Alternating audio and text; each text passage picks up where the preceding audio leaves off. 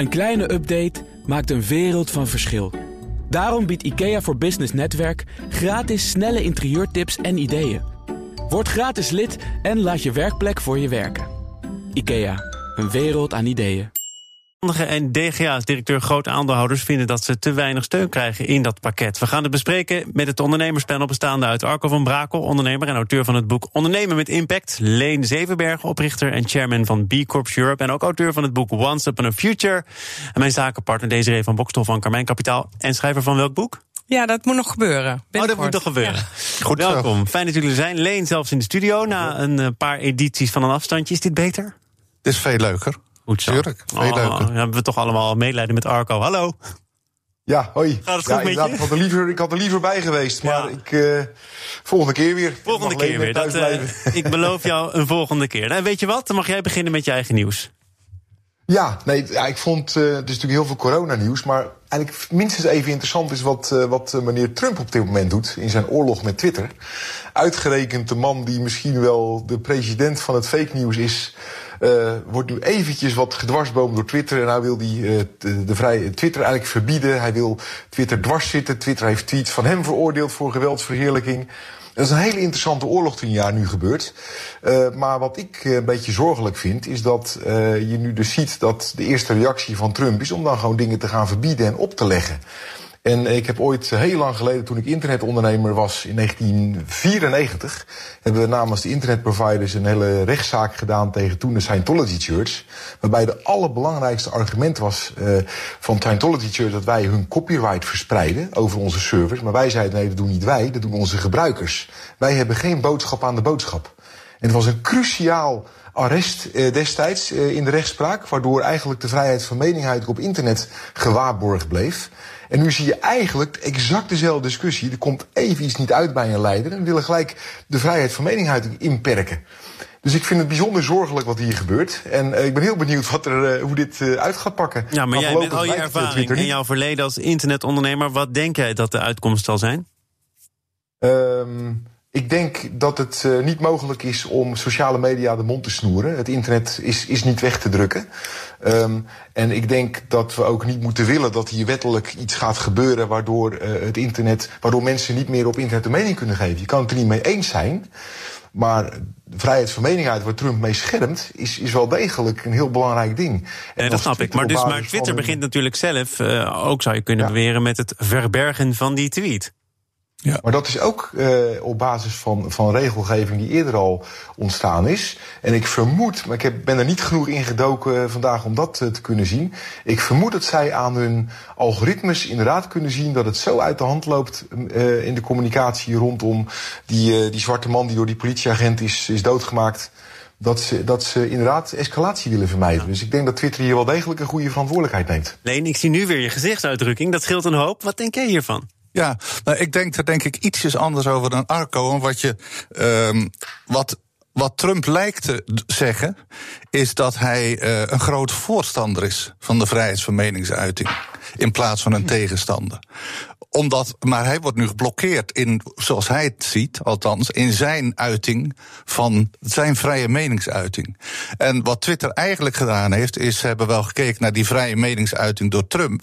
Maar ze hebben er een kleine kanttekening bij geplaatst. En die was heel nauwkeurig van, zoek dit maar eens eventjes op. Want er zijn ook andere berichten hierover. Dus ze hebben een klein commentaartje bij hem gezet. En dat vond ik eigenlijk wel eh, oké. Eh, en dat, is niet, eh, de, dat benadert niet de vrije meningsuiting. Dat je ook wel andere berichten kon zien dan wat Trump daar zei. En dat vond Trump natuurlijk heel vervelend. Dus het is een hele een, een dubbele zaak een beetje. Dus Trump wordt gehinderd in zijn vrije meningsuiting. Dus hij is niet aan bezig om de vrije meningsuiting te blokkeren. Klinkt een beetje raar. Ja, maar je gaat je wel afvragen of je dan zo langzamerhand een soort van morele, Ja. eh, een morele instantie of iets dergelijks gaat krijgen. Twitter werpt zich zo dus kennelijk op. Die gaat zeggen, er zijn meerdere meningen. Ja, dat is wat Nou, Twitter nu eigenlijk Arco? volgens mij doet, Arco. Ja, we moeten Arco erbij Ja, dat blijven klopt. Nou, betrekken. de grap is, ik ben er even goed ingedoken. Eh, de reactie van Trump was dus dat hij Twitter aan banden wilde gaan leggen. Ja, dus dat is de grap. Dus dat was dus haaks op zijn eigen standpunt van Zo de vrijheid van meningsuiting. En dat was zo opvallend eraan. Dus hij is kennelijk voor vrijheid van mening uit als het hem uitkomt. Zo is het. En uh, het fake nieuws wat hij zelf verspreidt, dat is kennelijk anders fake nieuws dan het fake nieuws wat anderen verspreiden. Dus daar is hij natuurlijk totaal inconsequent in. Maar dan ook echt totaal. Uh, en wat Twitter hier heeft gedaan, dat heeft te maken met discussies die al eerder geweest zijn. Waarbij inderdaad sociale media uh, aan de hand van de algoritmes kunnen zien hoe dingen kunnen escaleren. Want sociale media grijpen niet zo snel in, maar ik denk wel dat, dat dit iets is wat te maken heeft met afspraken die eerder gemaakt zijn. Dat je dus inderdaad geweldsverheerlijking, uh, porno, kinderporno, uh, ik moet het wel goed zeggen, en andere gevaarlijke zaken, dat je daar wel in optreedt als, uh, als sociale media. En ik vermoed dat zij aan hun algoritmes hebben gezien dat dit soort olie op het vuur was deze tijd. Arco, toch nog even over de twee-eenheid Twitter en Trump. Want dat hebben media en ja. ook iedereen die hem wilde volgen natuurlijk heel erg lang constant in dezelfde zin gezegd. Trump heeft getweet. Had Twitter Trump nodig? Dus met andere woorden, stel dat Trump nu een ander kanaal kiest om alles wat hij van de wereld vindt te ventileren. Heeft Twitter dan ook een probleem? Ja, kijk, ja, kijk, twee kanten heeft dit verhaal. Ik denk dat inderdaad Twitter zonder Trump uh, minder, uh, dat misschien wel minder, minder bezoekers uit een bepaalde categorie had gehad. Uh, ik denk tegelijkertijd ook dat dat Trump ook wel de reden is dat bepaalde jonge generaties helemaal niet meer op Twitter zitten. Want die vinden dit dus Nou, volg jij hem? Even eerlijk, ik volg hem. Volg jij hem? Ja, uiteraard. Goed. Ja. Leen? Ja. Ik ook. Desiree? Nee. nee. Niet? Oh, nou, toch nou, redelijke score. Leen, wat is jouw nieuws? Mijn nieuws uh, gaat over wat anders. Um, het heeft eigenlijk te maken dat je uh, in deze periode een groot aantal initiatieven in de wereld ziet verschijnen die aan het nadenken zijn over hoe zou de wereld eruit gaan zien na deze crisis. Dat is een coronacrisis, daarna komt er een economische crisis. En daarna komt er als derde golf een ecologische crisis, voorspelt men. En, dat, uh, en daar zijn nu wereldwijd een aantal grote initiatieven mee bezig. En de grootste daarvan, dat heet Imperative 21. Dat zijn 400 global organisaties die aan het nadenken zijn. Um, in Nederland zie je ook wel wat initiatieven en wat discussies. Maar, uh, en dat is het nieuws, dat is het leuke ervan, vind ik. Ik, ik, ik weet niet wat er ook echt van terecht zal komen. Of mensen niet hard terugrennen naar wat ze kennen dadelijk. Uh, wat ik overigens uh, vermoed. Maar wat ik jammer vind, is dat je in Nederland bij de initiatieven die je van ONL en MKB Nederland ziet, zo weinig daarvan terugvindt. Dus je ziet uh, ja, bescherming van de ondernemers, dat is belangrijk. Maar er wordt eigenlijk relatief weinig nagedacht over wat kunnen we hier nou uh, van leren, wat kunnen we hiervan vasthouden en waar schieten we wat mee op. En dat is, um, dat is ja, mijn nieuws eigenlijk naar aanleiding van het nieuws dat je over de hele wereld zoveel nieuwe initiatieven ziet, die ik overigens geweldig leuk vind. Arco, jij uh, werkt af en toe nauw samen met ONL. Je hebt een uh, manifest geschreven met Hans Biesheuvel. Dat is dan weer aangeboden aan Rutte, aan het kabinet. De vorige keer dat we elkaar spraken was premier Rutte net de ondernemer vergeten tijdens een persconferentie. Dan was je ja. nog wit heet. Dacht je, wat, wat is dit nou? Ja. Nu krijg je nog even Leen op je dak. Want waar, waar blijft nou, het lange termijn perspectief? Nee, maar ik snap uh, Leen wel. Ik ben het eigenlijk ook wel met Leen eens. En waar ik me zorgen over maak, in het begin was het voor... oh jongens, we kunnen de Himalaya weer zien in India. Wat wordt de wereld schoon door deze crisis? Maar het volgende is dat, dat je niet met voldoende mensen in een trein kan zitten... en dat je nu dus allemaal tweedehands stinkauto's gaat kopen om naar je werk te gaan. Ik denk, ja, jongens... We hebben net geleerd hoe we thuis moeten werken. Laten we dat dan doen in plaats van in een oude stinkauto rijden. Dus ik ben het wel met Leen eens. Ik maak me er zorgen over. Uh, wel even ter nuancering voor het stuk wat we aan, aan Mark Rutte hebben aangeboden. Kijk, als je ziet hoe onze overheid werkt. Mark die verzamelt allemaal specialisten om zich heen. Um, en met ONL en ikzelf zie mezelf vooral als specialist op het gebied van ondernemen. En ik weet heus iets van impact ondernemen af en voor hoe je dat duurzaam doet. Maar um, ook Hans is daar niet, is niet een expert op duurzaamheid op dit moment. Dus wij hebben heel nadrukkelijk ge, gekozen om als schoenmaker bij onze lees te blijven. En in dit geval was het de prioriteit om ondernemers inderdaad uh, eerst te helpen. Maar waar ik zelf volop mee bezig ben, echt dat is fulltime werk, is om te kijken hoe we um, op allerlei manieren weer groen uit deze crisis kunnen komen op dit moment. Ja. Want er zijn zoveel ondernemende mogelijkheden om dat nu te doen er zijn echt zoveel kansen. En ja, die moeten we natuurlijk wel gaan invullen.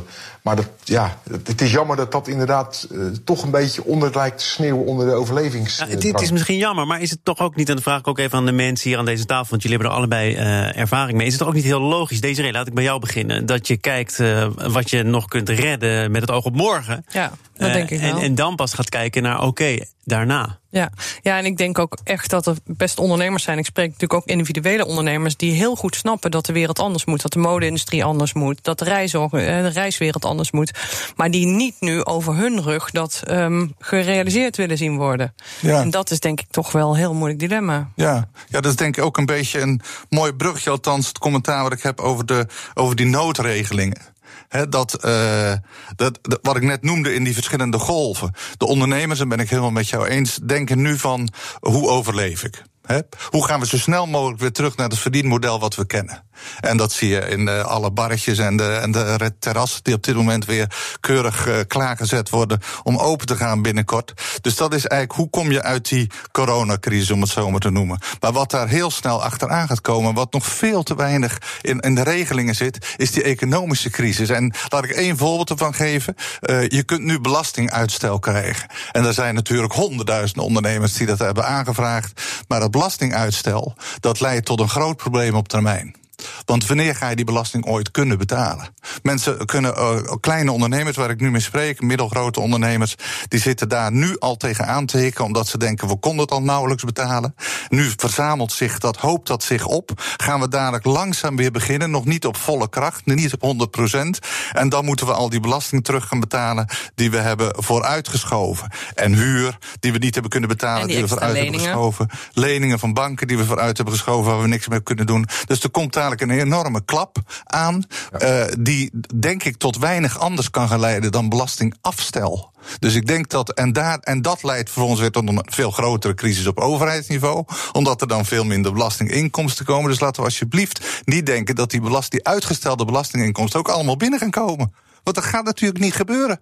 Althans, of je moet daar jaren voor uittrekken. Maar nu is de regeling bij de Belastingdienst dat je volgens mij tot september, oktober of iets dergelijks mag uitstellen. En dan moet je toch wel gaan betalen. Nou ja, dan moeten er wel inkomsten zijn. En, en, en, en je hebt dan ook je dan lopende belastingen. En dat wil jij zeggen over het noodpakket zoals het er in de NOW-regeling of de NOW-2-regeling uitziet. Dat had anders gekund nou, of had niet? dit eigenlijk uh, op zijn minst al aangekondigd moeten worden dat hierover wordt nagedacht. Uh, de, overigens is die regeling, ja, ik denk dat we in Nederland een prachtige regeling hebben. Er zitten allerlei foutjes misschien en omissies nog aan. Uh, overigens in Frankrijk, ik sprak gisteren met een ondernemer in Frankrijk en die zei, wij zeuren en klagen in Frankrijk heel erg, maar hier wordt gewoon 100% betaald van het salaris. Dus dat is uh, Frankrijk, ja, die ja. zijn natuurlijk veel verwender als wij. Maar dat ontbreekt een beetje aan die, uh, ja, de langere termijn cashflow situatie van ondernemers. Middelgrote en kleine ondernemers, die, dat ontbreekt althans in de huidige regeling. Arco, er is gisteren over gedebatteerd, onder andere met minister Wiebes. Die zei: We hebben een situatie waarin alle afzonderlijke verzoeken uh, een grote redelijkheid kennen, maar de optelsom voor de belastingbetaler is niet meer redelijk. En daarom moeten we ons bij alle regelingen afvragen waar de grens ligt. Die ligt niet ja. op een punt waar ik me bij alle gevallen gemakkelijk voel om die ondernemers recht in de ogen te kijken. Ja, dat is natuurlijk wel een cruciaal punt. En duidelijk, ja, precies hoe ver kun je gaan? Kijk, je bent natuurlijk wel nu. Um, Mark Rutte noemde het een duivelsdilemma. En dat is precies wat het was. Want bij het ene besluit wat hij met zijn kabinet nam, zou het tot aanzienlijk veel meer besmettingen, uh, over, nog meer overbelasting van de zorg en waarschijnlijk meer coronadoden leiden. Het andere die, uh, mogelijkheid was, uh, was, was inderdaad de economie dichtgooien en, en mensenlevens redden. Maar allebei is vreselijk schadelijk voor de toekomst. Er was geen goede oplossing. En dat moeten we ons wel realiseren. Dan hoor ik sommige mensen wel zeggen: joh, het is, uh, het is iets meer dan een griepje. Maar van zelfs de ernstigste griep is nog nooit de intensive care overbelast geraakt. Dus we moeten ook niet net doen alsof niks is. Er is ons gewoon iets ergs overkomen. Nee, maar afgezien daarvan zegt de minister van Economische Zaken nu... ik kan niet alle ondernemers ja. recht in de ogen nee. kijken. En ik weet dus niet... Uh, ik. Ik, ik. ben benieuwd, ook naar jullie mening... Uh, het pakket zoals dat er nu uitziet... is dat dan een pakket dat... Uh, relatief, eenvoudig in elkaar gezet is? Is dat een pakket dat een beetje afhangt van hoe goed je lobby is geweest? Leen, wat denk jij? Ja, ik denk dat het redelijk goed in elkaar zit. En dat er, ja, er is uiteraard door allerlei partijen gelobbyd. Ik zie één grote omissie. Naast wat ik net noemde van de belasting op de wat langere termijn. Uh, maar dat is, meer, dat is niet een omissie, maar een probleem wat er aan gaat komen. Maar uh, een omissie die erin zit, is dat de DGA's vergeten zijn. En dat zijn er honderdduizenden in Nederland. Klopt. En, uh, en ik begrijp niet waarom dat vergeten is. Ik weet overigens dat Hans Biesheuvel met ONL daar druk mee bezig is geweest en is misschien.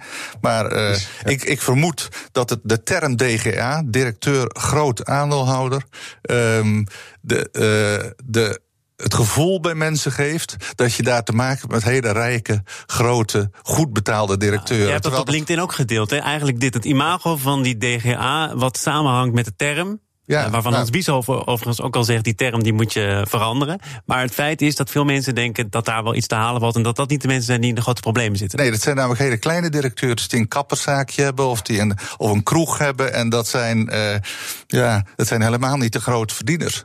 En die, uh... Nee, maar wat mensen niet beseffen is dat je als je meer dan 5% hebt... van een BV waar je directeur van bent... dan ben je al directeur groot aandeelhouder. 5% is de grens... Uh, dat is ook. En, en dan, dan ben je ook niet per se noodzakelijk rijk. En wat, wat Leen zegt is helemaal waar. Er zijn zoveel mensen met een klein BV'tje... die, die, die inderdaad 40.000 euro, het minimale... dus wat je mag verdienen, verdienen. En dat nipt naar zichzelf kunnen overmaken. En dat nog lang niet altijd. En dat zijn directeur grote aandeelhouders. Die verdienen een stuk minder dan mensen met salaris over het algemeen. De grote meerderheid. Het ondernemerspanel is hier. Leen Zevenbergen, Arco van Brakel en mijn zakenpartner Desiree van Bokstel. We praten over directeur groot aandeelhouders... Uh, die vergeten zouden zijn in het uh, noodpakket, steunpakket. Dat signaleert Leen in ieder geval. Ik kwam, of je het ermee uh, doet of niet, kwam ik een voorstel tegen van topambtenaren. Die hebben gekeken naar het belastingstelsel. Die hebben vorige week 169 ideeën op papier gezet. Overigens pre-corona. Maar een van de belangrijkste punten is, die DGA's, die gaan wij aanpakken. Want de belastingdruk op die DGA's, dat staat in geen verhouding tot de belastingdruk voor werknemers. Dus Leen, er is nogal wat lobby te doen. Ja, ja dat, is, uh, dat helpt hier niet bij. Het heeft erover, staat er toch wel een beetje los van. Um, maar het helpt zeker niet in het imago wat een DGA heeft. En het gaat hier om een heel klein groepje mensen. En overigens is die belastingdiscussie uh, die speelt al jarenlang. En die zal ook nog jarenlang spelen. Maar uh, dat neemt niet weg wat het probleem bij al die kleine bedrijven. Laat ik een voorbeeldje noemen. Een kapper die vijf kappers in dienst heeft. Daar verdienen de gewone mensen die in loondienst zijn, krijgen een normaal salaris uitbetaald in de periode dat de omzet wegviel. Maar de kapper die de kapperszaak beheert, krijgt niks. Die, die heeft de TOZO-regeling. En die krijgt dan 1500 euro. Dus het minimum eigenlijk. Als zijn partner tenminste niks verdient. Dat is in de nieuwe regeling. Ja, de partnertoets. Ja, er zijn een paar dingen uit en na besproken gisteren in de Tweede Kamer. Het ging ook veel over de ontslagboete. Het ziet er nu zo naar uit dat als je meer dan 20 werknemers ontslaat, je de steun moet hebben van de vakbonden of de OR. En anders 5% over je hele NOW-subsidie moet terugbetalen. Dat de ontslagboete toch enigszins blijft bestaan, dat ziet Wouter Koolmees in ieder geval niet als een knieval. We moeten ons aanpassen aan de nieuwe realiteit. En dat betekent dat het doel van de vakbeweging en van de werkgevers en van het kabinet is om zoveel mogelijk banen te behouden. Het is mijn inschatting dat we dat bereiken als we inderdaad die generieke ontslagboete eraf halen. Eh, dat hebben we ook gedaan. En tegelijkertijd begrijp ik heel goed dat de vakbeweging zegt bij de grote reorganisaties... willen wij een positie hebben. Nou, en dat hebben we nu gisteravond in afspraken vastgelegd. Die positie van de vakbonden is in deze regeling nu gegarandeerd. Arco, is dat een goede zaak? Um, ja, vind ik toch wel. Uh, ik ben natuurlijk ondernemer, dus ik snap de ondernemerskant heel goed. Uh, maar ik vind de steun is bedoeld om iedereen in het land te helpen. Uh, en als je op deze manier toch een vorm kan vinden waarbij je zowel de ondernemer kunt helpen en de werkgelegenheid kunt bewaren, wat ook goed is voor ondernemers, hè, want mensen met meer koopkracht kopen meer, dan, dan is dat eigenlijk toch het beste. Maar joh, het, het, het is natuurlijk ontzettend lastig om iedereen te redden. Dat, dat, dat is bijna onmogelijk. Dus ik, ik sta hier achter. Ik, ik, vraag me wel af of het niet nog genuanceerder moet. Of het niet zo is dat.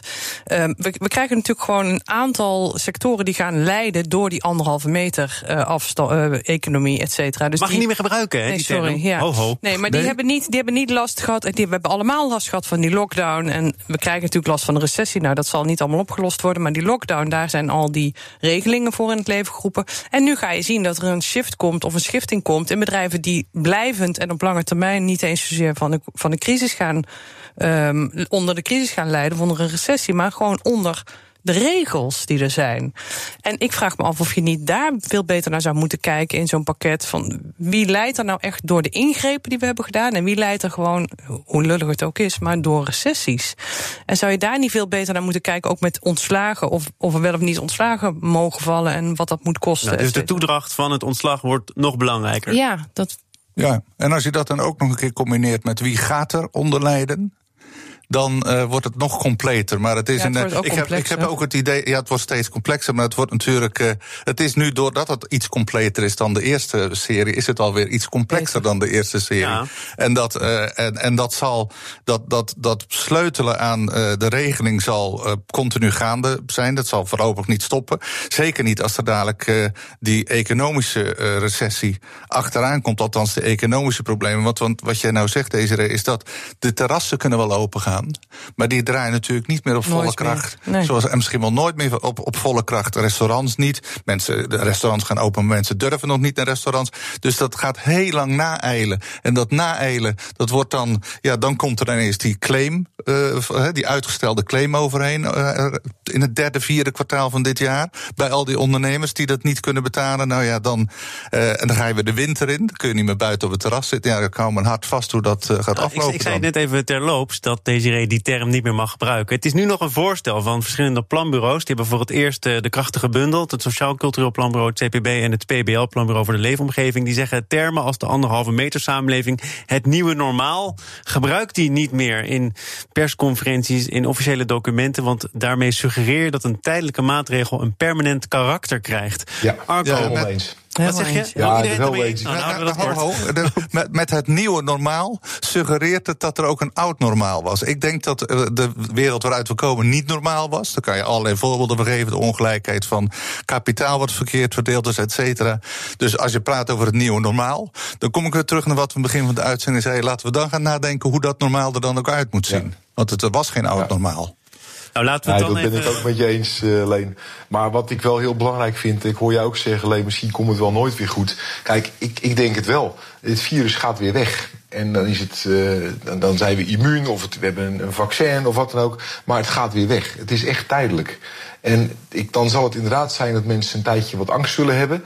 Maar mensen willen echt weer graag mens zijn. Je moet toch niet aan denken dat je nooit meer in een voetbalstadion kan zitten, nooit meer in een kroeg eh, kan staan, nooit meer naar een concert kan gaan. Eh, dat, dat zo zitten mensen niet in elkaar. Ja. Dat, dat is niet normaal. En Maar- we, gaan het, we gaan echt weer terug naar, naar ons normale sociale menselijke gedrag. Dat, Ja, ja, dat We moeten wel anders. uitkijken dat we niet de slechte dingen er wel van overhouden. Hè. We moeten nog steeds, als we in een vliegtuig willen, onze schoenen uittrekken. vanwege iets wat twintig jaar geleden gebeurd is. En ik ben heel bang voor dat ondernemers blijvend zouden kunnen leiden. of veel te lang dan nodig is, zouden kunnen leiden over die afstands, onder die afstandsregelingen bijvoorbeeld. Ja, ja. Ja. dat, dat, Ja, dus dat het moet is ook niet zo- langer dan nodig is. Dus het is niet zo, Arco, dat het eh, hè, ondernemers die, eh, dat hoef ik eh, niemand hier uit te leggen, die streven altijd weer naar opportunities die er zijn en die zullen altijd blijven. En als er daar een vaccin is, dan is dit virus misschien weer geneutraliseerd. Maar dan komt er weer een nieuw virus. Dus dat, eh, ik denk dat we kunnen leren en zouden moeten leren van wat we nu allemaal meemaken. Want het is natuurlijk niet zo dat het bij één virus blijft in de komende Maar ik vind die schoenenvergelijking van Desiree wel interessant. Want ik vind het volstrekt normaal dat ik als ik een vliegtuig instap mijn schoenen uit moet doen. En dat vind ik ook niet meer bezwaarlijk. Jij wel? Ja, eh, nou ja, ik vind het heel raar, want daarna koop je een fles en die sla je kapot en dan heb je een wapen. Dus eh, het, is, het is nutteloos dat in mijn meteen- ogen. Dat gaat er meteen in jouw hoofd We, we stellen er geen vragen meer over. Dat is eigenlijk wat ik wil zeggen. Nee. We- hè, En dat zou natuurlijk ook bij, die af, bij dat afstand houden... zou dat ook zo kunnen zijn. Dat mensen gewoon geen vragen meer over stellen. Nee. Ik kan ook geen vragen meer stellen, dames en heren. Want eh, het is voorbij. Arco, het ging nog best goed van een afstandje, toch? Ja, ja hoor, absoluut. Ik vond het, eh, maar ik ben toch liever in de studio. Ja, de volgende ja, keer ben ik er weer. Volgende keer. Ik heb er eh, alle vertrouwen in dat je dan nog niet met je kerstmuts op je hoofd eh, verschijnt. Dat het eerder zal zijn dan dat. Arco van Brakel, ondernemer en auteur van het boek Ondernemen met Impact. Ehm, hier was ook Leen Zevenberg, oprichter en chairman van B Corps Europe en auteur van het boek Once Upon a Future. En mijn zakenpartner van vandaag was eh, Desiree van Bokstel van Carmijn Kapitaal. Tot zover BNR Zaken doen voor vandaag. Eh, nieuws dat wij in Nederland al lang wisten zorgde er twee weken geleden voor dat chemiebedrijf Avantium wereldwijd in de kijker kwam te staan vanwege de ontwikkeling van een afbreekbare plastic fles. CEO Tom van Aken is dinsdag, dus na Pinksteren, te gast in BNR Zaken doen. Zometeen eerst tijd voor Nieuwsroom Den Haag, neem ik aan. Gepresenteerd door Mark Beekhuis, de dagelijkse podcast van het FD en BNR. Veel plezier daarmee. Fijn lang Pinksterweekend. Tot dinsdag. Een kleine update maakt een wereld van verschil. Daarom biedt IKEA voor Business Netwerk gratis snelle interieurtips en ideeën. Word gratis lid en laat je werkplek voor je werken. IKEA, een wereld aan ideeën.